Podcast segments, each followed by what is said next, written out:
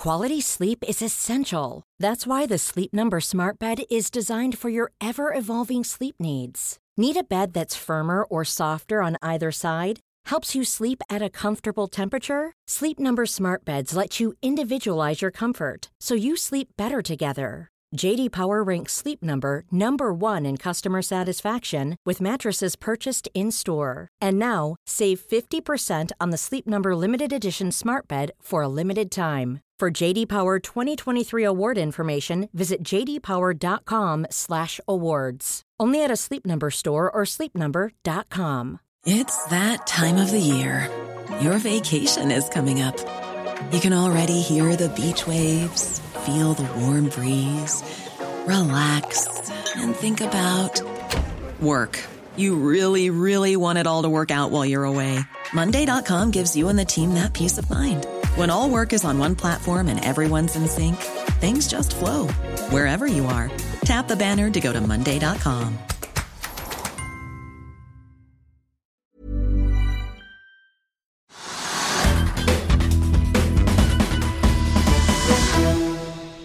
skal vi snakke med en av eh, landets ledende analytikere av en sektor som vi kanskje tar mer og mer for gitt, men der det skjer veldig mye spennende ting om dagen, og der eh, milliarder kan bli flyttet på og nye konstellasjoner etablert. Velkommen til oss, eh, Frank Maae, analytiker i DNB Markets.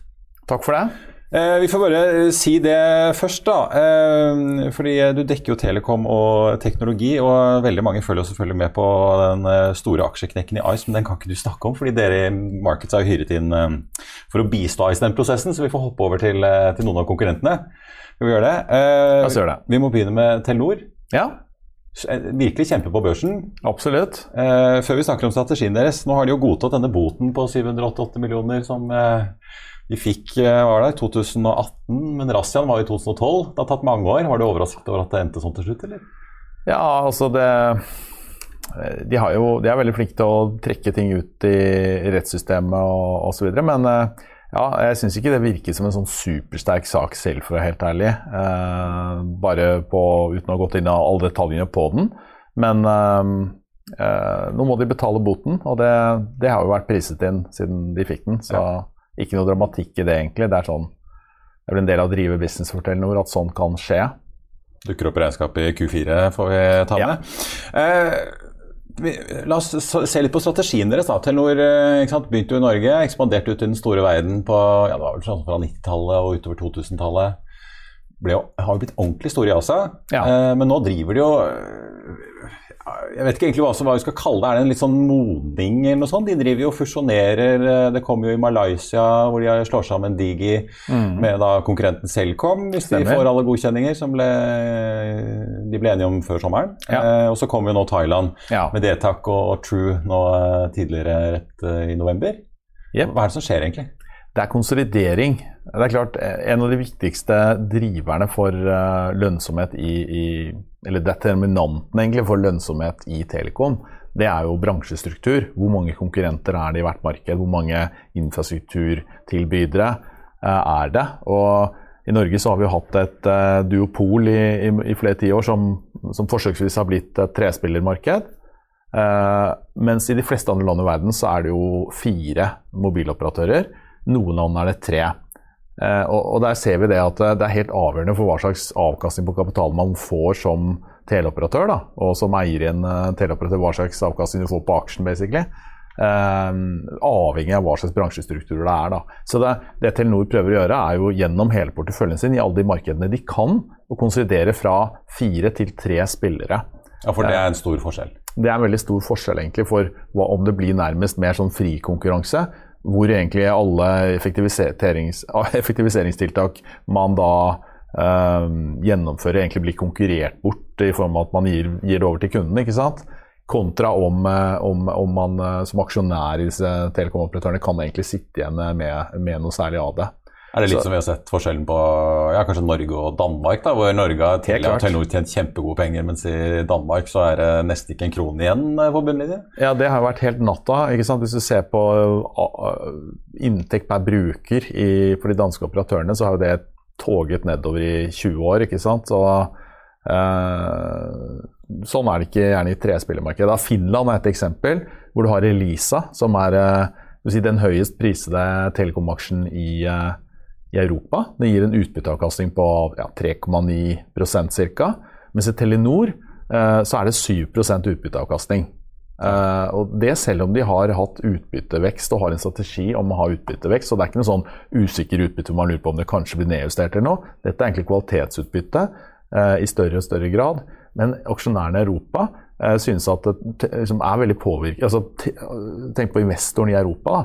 De, de, behandler Telenor som egentlig en liksom hvilken som helst annen upopulær firespillermarkedaktør, sånn som man har i Tyskland med Deutsche Telekom eller med Tele, Telekom Italia eller, eller BT.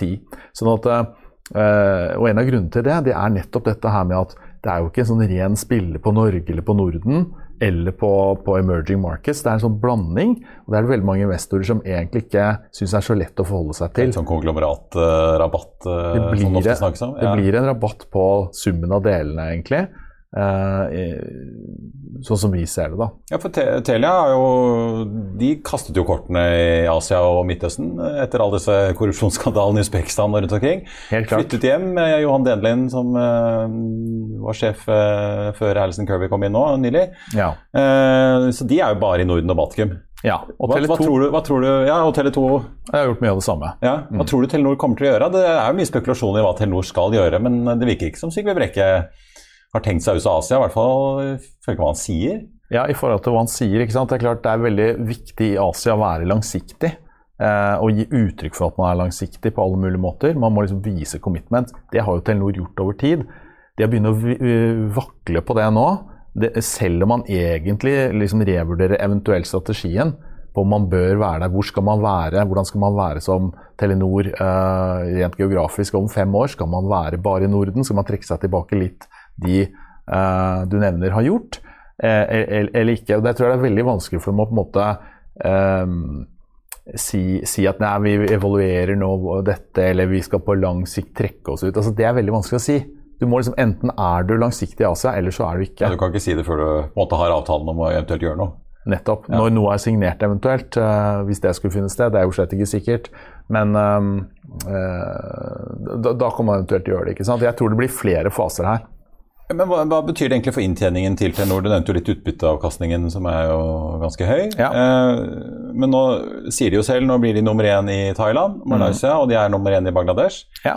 Eh, så er det bare Pakistan igjen, eh, så vi kan kanskje forvente at det kanskje kommer til å skje noe, eh, skje noe der fremover. Men vil inntjeningen til Telenor øke ganske mye i årene fremover, da, hvis de klarer å liksom, få redusert antall aktører i disse markedene? Det er det absolutt muligheter for. Jeg tror Pakistan er jo ikke verdt så mye uh, per aksje, egentlig. Det er ikke en veldig viktig del av uh, verdien i Telenor, også fordi det er såpass høy avkastning, uh, altså høy, høyt avkastningskrav i et land med den type politisk risiko som man må legge på det. Så jeg tror liksom det blir litt som Myanmar, at Telenor mistet jo Myanmar, dessverre. uten at det på en måte var et stort skrell for aksjekursen. Det, det var en negativ effekt, helt klart. Uh, men, uh, men noe av det samme ser du på Pakistan, tror jeg. at liksom, Hvis de klarer å gjøre en god deal der, så blir ikke det et veldig stort løft. liksom. De store områdene i Asia det er jo de modne, mer avanserte markedene de er inne i, sånn som Thailand og Malaysia, hvor de har investert mye, hvor det er mye verdier. Og, og de synergiene de kan skape der nå ved å bli nummer én, uh, samtidig som du, de klarer, nå, klarer å endre bransjestrukturen slik at det blir litt mindre konkurranse også. Litt vanskelig å kommunisere akkurat det med, med at det kanskje kan få en liten prisoppgang. Og, ja, for De snakker mye om at sånn, men, de, er i ferd med å bli en digital tele, telco, altså telekomoperatør. Ja. At de trenger skala for å konkurrere, særlig i bedriftsmarkedet. Men, men, er det egentlig at de snakker litt rundt grøten, at det egentlig handler om å, å få ja, færre aktører og få opp marginene, få opp inntjeningen? Helt klart. At det, er blitt, at det er blitt så modent at liksom alle, alle er mobil, og du klarer ikke liksom å skape så mye vekst lenger? Jeg tror, jeg tror, jeg tror definitivt det. At eh, selvfølgelig eh, det er, det er, absolutt noe i det de sier. For det er klart det å dublere investeringer, gjøre, liksom bygge flere nett uh, enn man trenger, særlig når man går mot en 5G-verden som er egentlig designa for å dele den infrastrukturen, uh, så, så, er det en egentlig dårlig idé. Uh, det å ha doble distribusjonskanaler eh, doble organisasjoner, sånn som vi har True og Dtac. å slå sammen det. Du kan egentlig bare ta bort den ene organisasjonen, og så klarer resten stort sett å bære det samme, dog med noe mer staff på kundeservice. Trafikken kan du slå over på nettene hvis du har nok frekvenser. Så kan du i løpet av en, ganske, en viss sånn migreringsperiode bære det også. Så det er enorme kostnader man egentlig kan ta ut.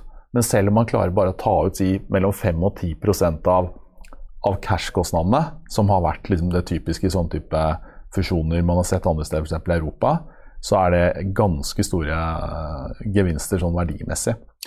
De prøvde seg jo på en sånn kjempefusjon i Asia som ikke ble noe av, eh, med Axiata Group. Stemmer det. Eh, så nå kjører de land for land i stedet. Ja.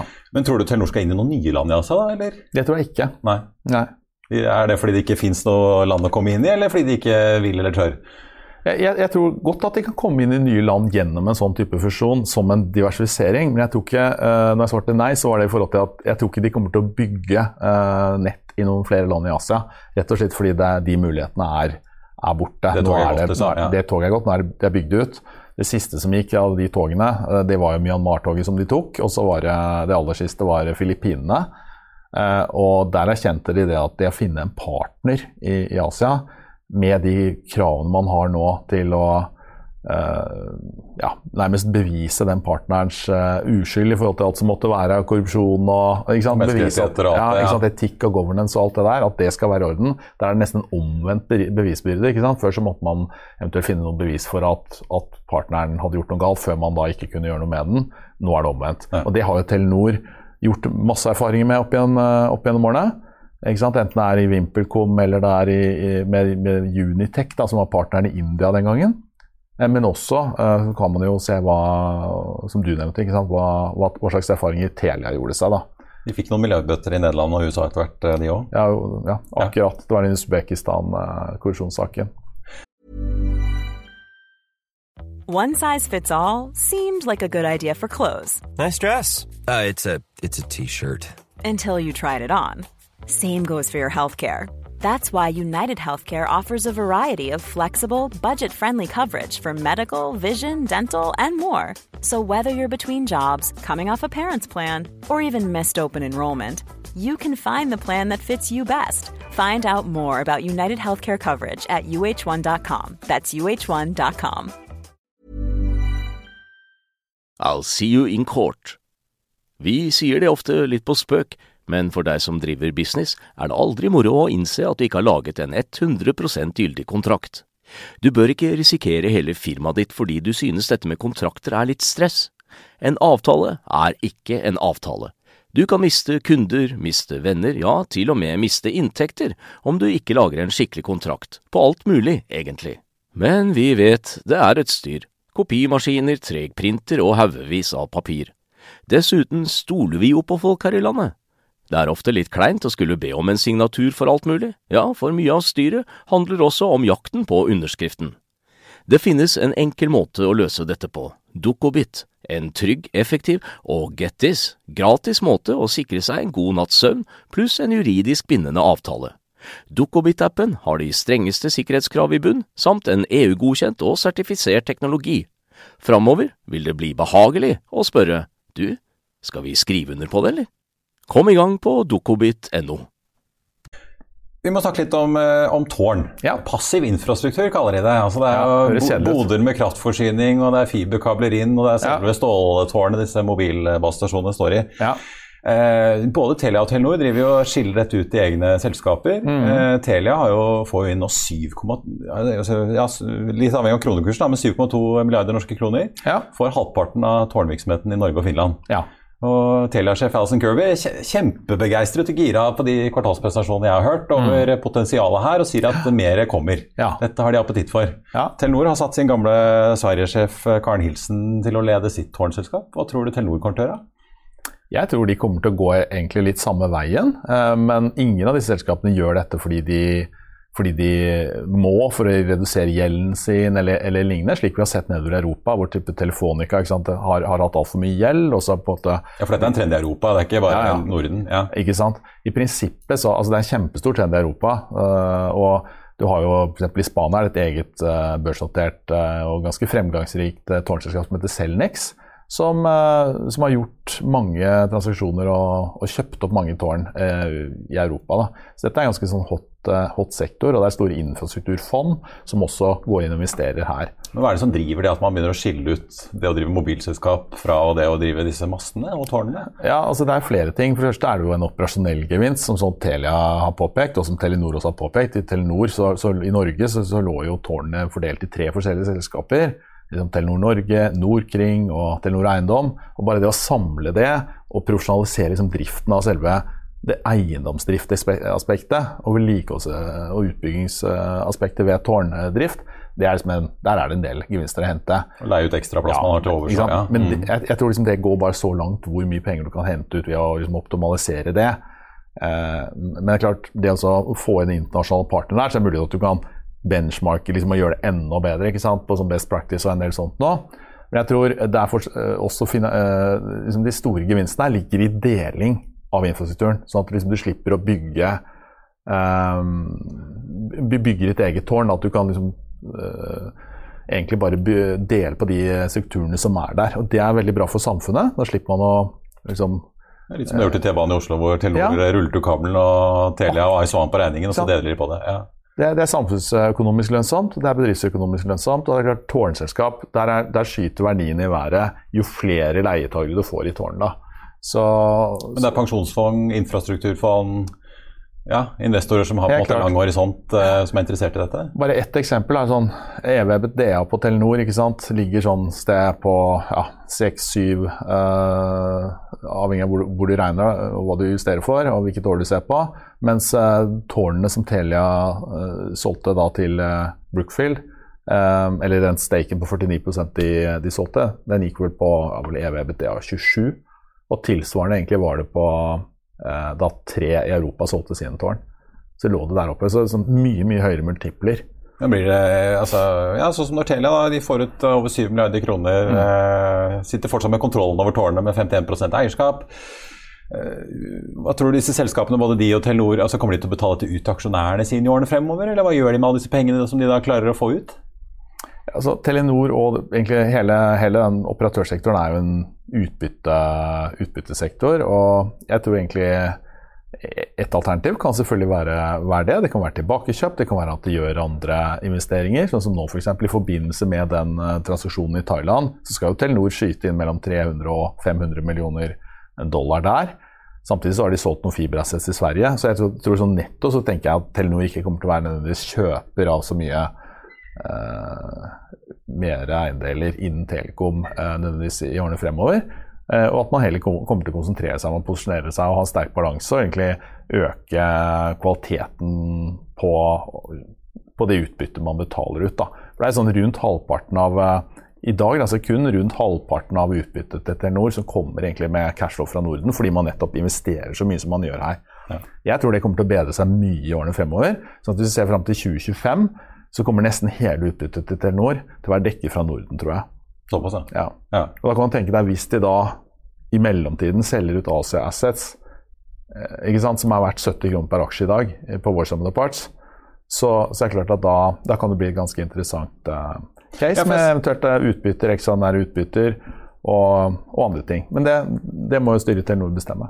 Ja, for jeg satt og så på altså, Hvis du ser på hovedindeksen så langt i år da, og siste tolv måneder, opp 21 eh, og 27% Både Telia og Telenor ligger jo langt under det i utvikling. Absolutt. Hvorfor det så, går det så dårlig for Telekom-aksjene? Skulle tro at det var trygt og ja, ja, ja. komfortabelt i en usikker verden. Ja, nei, men Det er sant, for det er det. Men det er ikke det investorene vil ta. Man vil jo ha vekst, man vil ha andre ting. Så Det har vært veldig sånn, det man kaller sånn faktorstyrt faktor, uh, marked. da, med med visse sånne kvantitative Du kan kvantifisere en del sånne faktorer som er populære, som har gitt avkastning. Og mange av de faktorene som utbytte eh, og, og, verdi eh, som disse representerer, har, har vært ganske eh, lite populære. Eh, og telekomsektoren generelt har vært slitt i Europa ikke sant? Med, med mer konkurranse. Det har vært nedjustering av estimater, en del sånt nå. Og på tilsynelatende så ser jo heller ikke tallene til Telenor så veldig bra ut. ikke sant? Fordi de har hatt motvind med, med covid og Asia, som har rammet dem litt der. Um, de har hatt mye sånn internasjonal roaming til andre kontinenter, som det er inntekter på fortsatt. Roaming i Europa. ikke sant? Når du reiser til EU, så tjener ikke de noe særlig mer penger på det, med mindre du begynner å bruke store datapakker. Hvis du drar på tur til Sveits, da tjener de mye penger. Hvis du drar til Tyrkia, USA, Thailand, det har Telenor hatt ganske mye Da er inntekter det på. vanlige penger i lomma. Ja, Som har blitt borte nå, da. Ikke sant, med, med covid. Så, så, så sånn sett, i tillegg til Myanmar, ikke sant, som måtte gi fra seg, eh, eller trekke seg ut av med halen mellom beina, så, så har de tingene gjort at liksom, de har også hatt, hatt liksom litt dårlig sånn estimate revision momentum. Da, for å si det sånn. Estimatene da, har jo kommet, eh, kommet litt ned også der. Men de er litt for, for the wrong reasons, da. Eh, før, eh, da, holdt jeg da vi snakket sammen før eh, sending, så snakket du litt med et sukk om at både vi i media og investorene i hvert fall her i Norge, har litt sånn skylapper på og egentlig burde følge med mer på hva som skjer rundt oss i Norden. Ja. At det er jo masse selskaper rundt oss som er spennende og Stemmer. masse på gang. Og Hvis du ser i hvert fall på aksjemarkedet, så er det jo én aksje som i hvert fall har gått milevis bedre enn Telenor og Telia, og det er Nokia. Stemmer det? Gode, gamle traveren som holder det gående selv om de tapte for Apple i mobilkampen. Ja. Hva tror du om Nokia? Hva er det, liksom, Nokia de drev, leverer jo nettverksutstyr. Stem, stemmer. Hva, er- liksom, har de mer å gå på? Det har gått 60% i år. Ja, altså det, det, er jo, det har jo svinget seg tilbake da, fra en De gikk jo ordentlig på trynet, for å si det sånn, i, i 2019. Hvor, eh, hvor de feilet litt med å henge med liksom, i 5G, fordi de gjorde en fusjon med Alcatel-Lucent til USA. Ble globalt telekomutstyrsselskap. Kom inn på de store amerikanske kundene. Brukte altfor mye tid på å integrere det, og mistet litt sånn første 5G-toget. Ja. Gjorde noen feil valg på, bruk av på hva slags halvledere de brukte i utstyret. Uh, og nå har de kommet tilbake, egentlig. De har gjort en turnaround. Vi følger og har brukt mye tid på å følge 5G-sektoren, Eriksson, Nokia, mindre selskaper som Smart Optics, Enea i Norden. Uh, som for så vidt er spennende ting vi også skal snakke om. Men Nokia er, er en aksje jeg vil trekke fram, faktisk. Fordi den har gått veldig bra. Jeg tror den har mye mer å gå på også, eh, nå som de er i ferd med å komme ordentlig ovenpå igjen da, og bounce tilbake. Og det som du har situasjonen med her? De norske 4G-nettene er jo bygd av kineserne, bygd av Huawei. Eh, og eh, saken nå er jo at det er så mye geopolitikk inne i bildet. Huawei får jo ikke kjøpt halvledere. De får ikke kjøpt skipper fra, fra Taiwan lenger. De, de mest avanserte eh, eksempel nå går Nokia over til 5 nanometer eh, skipper snart. ikke sant? Det får ikke de tak i.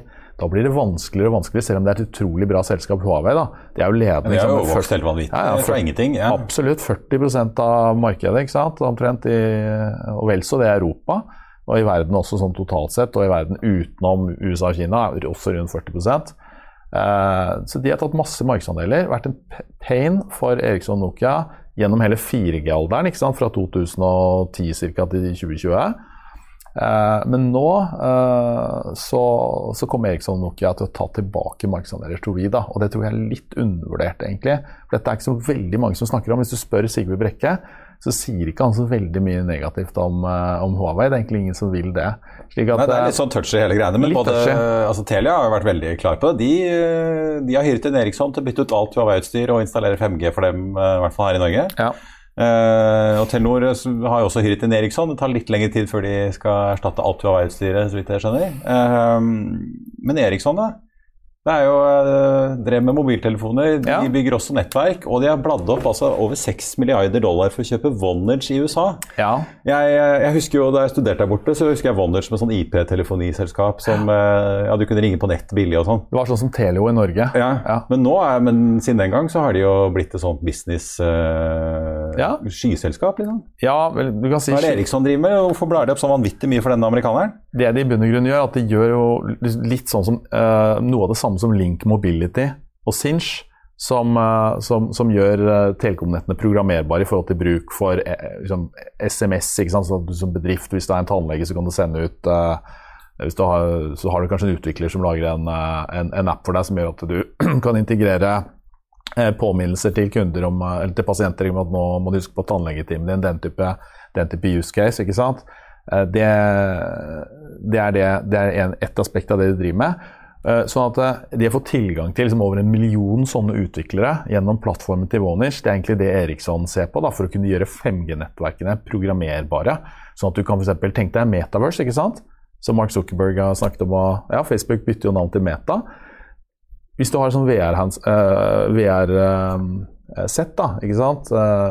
Eh, VR-briller. Ja, virtuell virkelighet og briller. Ja. Ikke sant, virtuell virkelighet, og det kan være AR, det kan være mange ting som kommer mange ting der de par-tre neste årene.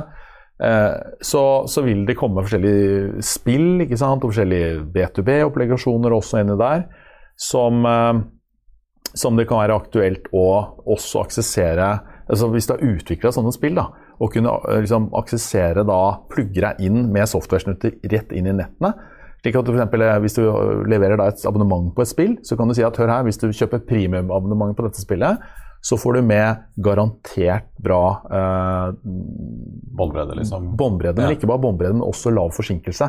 For det er jo key når du spiller. ikke sant? Og på ARVR er det er veldig viktig å ha lav forsinkelse. da. Eh, så, så ikke man blir skutt før, uh, før motstanderen, f.eks. Så ikke du klikker og likevel ja, stryker helt, helt klart. Helt på tampen har du et lite aksjetips eh, av en, en liten aktør på Aeronext eh, Growth, som eh, mange kanskje ikke helt har fått med seg gjennom flommen av nye selskaper som har kommet inn eh, det siste halvannet året. Eh, Smart Optics. Stemmer det. Ja. Det er Lite, men det er et lite tips til kanskje de litt mindre investorene, for de, har, de har ikke så veldig mye friflyt. Altså, det er jo ikke store selskapet. Ja, jeg tror det er mange institusjoner som kunne tenkt seg å kjøpe aksjer her som egentlig ikke kan, men det er en del som har gjort det òg. Ja, de bygger opp fiber. Noen er litt for store, ikke sant. Eh, ja, nei, altså de bygger, eh, bygger opp, eh, eller bidrar til å bygge fibernettverk. Altså når du bygger 5G-nett f.eks., en av de områdene de har gjennombrudd på nå i USA, det er nettopp at eh, Vi snakket om tårnselskap. I USA er det store tårnselskap som også bygger fiber inn til tårnet. For det, tårnet, for det holder jo ikke bare å ha ha, ha ha et telekomtårn med 5G-utstyr ikke sant? med DSL-linjer bak. Da, da hjelper det ikke å ha 5G i tårnet. Du må ha fiber inn. Og den fiberen må ha noen uh, elektronikk som liksom lyser opp fiberen. Da? Og sender liksom, de må, Det er lasere, du må sende uh, mest mulig data gjennom, uh, gjennom de fib glassfiberkablene. Den elektronikken har tradisjonelt vært veldig dyr, så det Smart Optics gjør, er at de leverer dette med altså, til mye lavere kost, med helt ny, moderne teknologi som bruker mye mindre strøm, tar mindre plass, og er ganske dis disruptiv. da. Så Ja, for det eksisterte siden 2006. Ja, på ikke børs i juni, var det det? Ja, de, de har holdt på med kjøp og salg av fiberoptiske deler og komponenter osv. i mange år. Og så kom det en ny ledelse der for eh, fem år siden, som egentlig har eh, med en ny, ny strategi.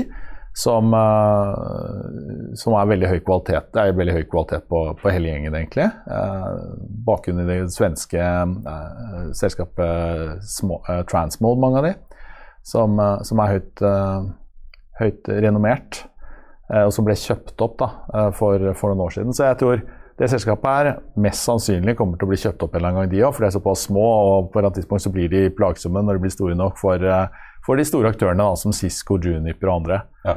Så um, spennende. Ta en titt på Smart Optics. Frank Maaø i DNB Markets, tusen takk for at du kom, og god helg. Bare hyggelig i like måte.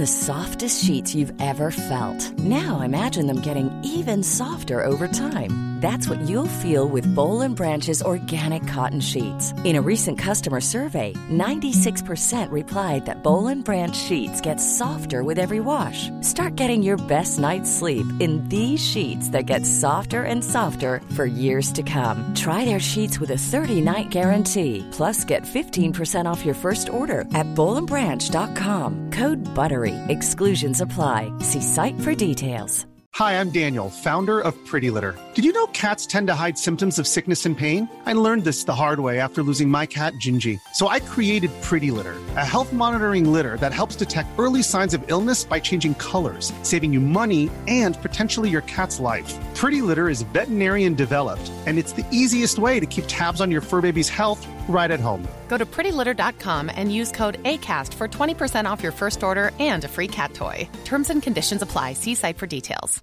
Hey, it's Paige DeSorbo from Giggly Squad. High quality fashion without the price tag. Say hello to Quince. I'm snagging high-end essentials like cozy cashmere sweaters, sleek leather jackets, fine jewelry, and so much more. With Quince being 50 to 80% less than similar brands. And they partner with factories that prioritize safe, ethical, and responsible manufacturing. I love that. Luxury quality within reach. Go to quince.com slash style to get free shipping and 365 day returns on your next order. Quince.com slash style.